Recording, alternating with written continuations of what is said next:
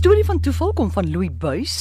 Hy sê ek en my gade Estel, ons het vir 6 maande gaan kuier by my dogter en haar man in Londen. Dit was in die jaar 2002. Hulle was daar op 'n 2 jaar werksvisum. Ons besluit toe terwyl ons daar by hulle is, so vir 6 maande dat ons gaan saam met vakansie. Ons besluit toe op Italië en Frankryk en ons besluit dat hulle sal Rome toe ry per motor.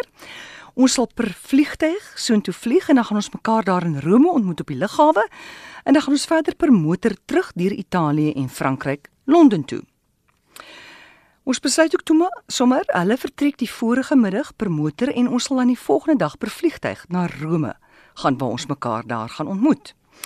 Hulle vertrek en met hulle vertrek het ons nou geen meer kontak gehad nie want ons sit met ons selfone so gereël dat ons dat nie dat ons nie ontvangs in 'n ander land sou kry nie. Hulle het ook nou nie selfone nie. Ons ek meen ons het mos nou afgespreek.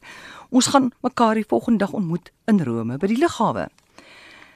Nou moet ons van Londen af reis na Heathrow toe om daar ons vlug te kry. Nou by Heathrow of die treine van waar ons was, het eers 6:00 die oggend Heathrow toe gery.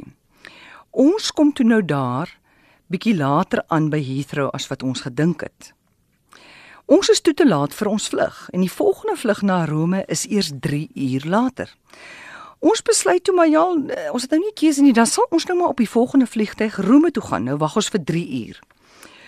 Ons besef ook toe nou terwyl ons so daar sit en wag. Ons besef toe vir die eerste keer mag gits Rome het twee internasionale lughawens en dat ons nou nie afgespreek het by watter lughawe ons my dogter gaan ontmoet nie. Aangekom in Rome, maar ons is so bekommerd. Ons het nou geen benul hoe ons met hulle kan kontak maak nie, maar nie net is ons 3 ure laat nie. En is ons ooit by die regte lughawe? Ons land toe nou maar daar. Ons gaan haal ons tasse en hier beweeg ons uit na die uitgang toe by die lughawe. En tot ons grootste verrassing stap ons toe reguit in die arms van ons dogter in. Oh, ons was oorstel en probeer toe uitvind hoe dit gebeur het dat hulle ook op hierdie tyd daar gearriveer het, iets soos 3 ure later. Hulle vertel toe hulle het die vorige nag met hulle motor se remme moeilikheid gekry oor die Alpe.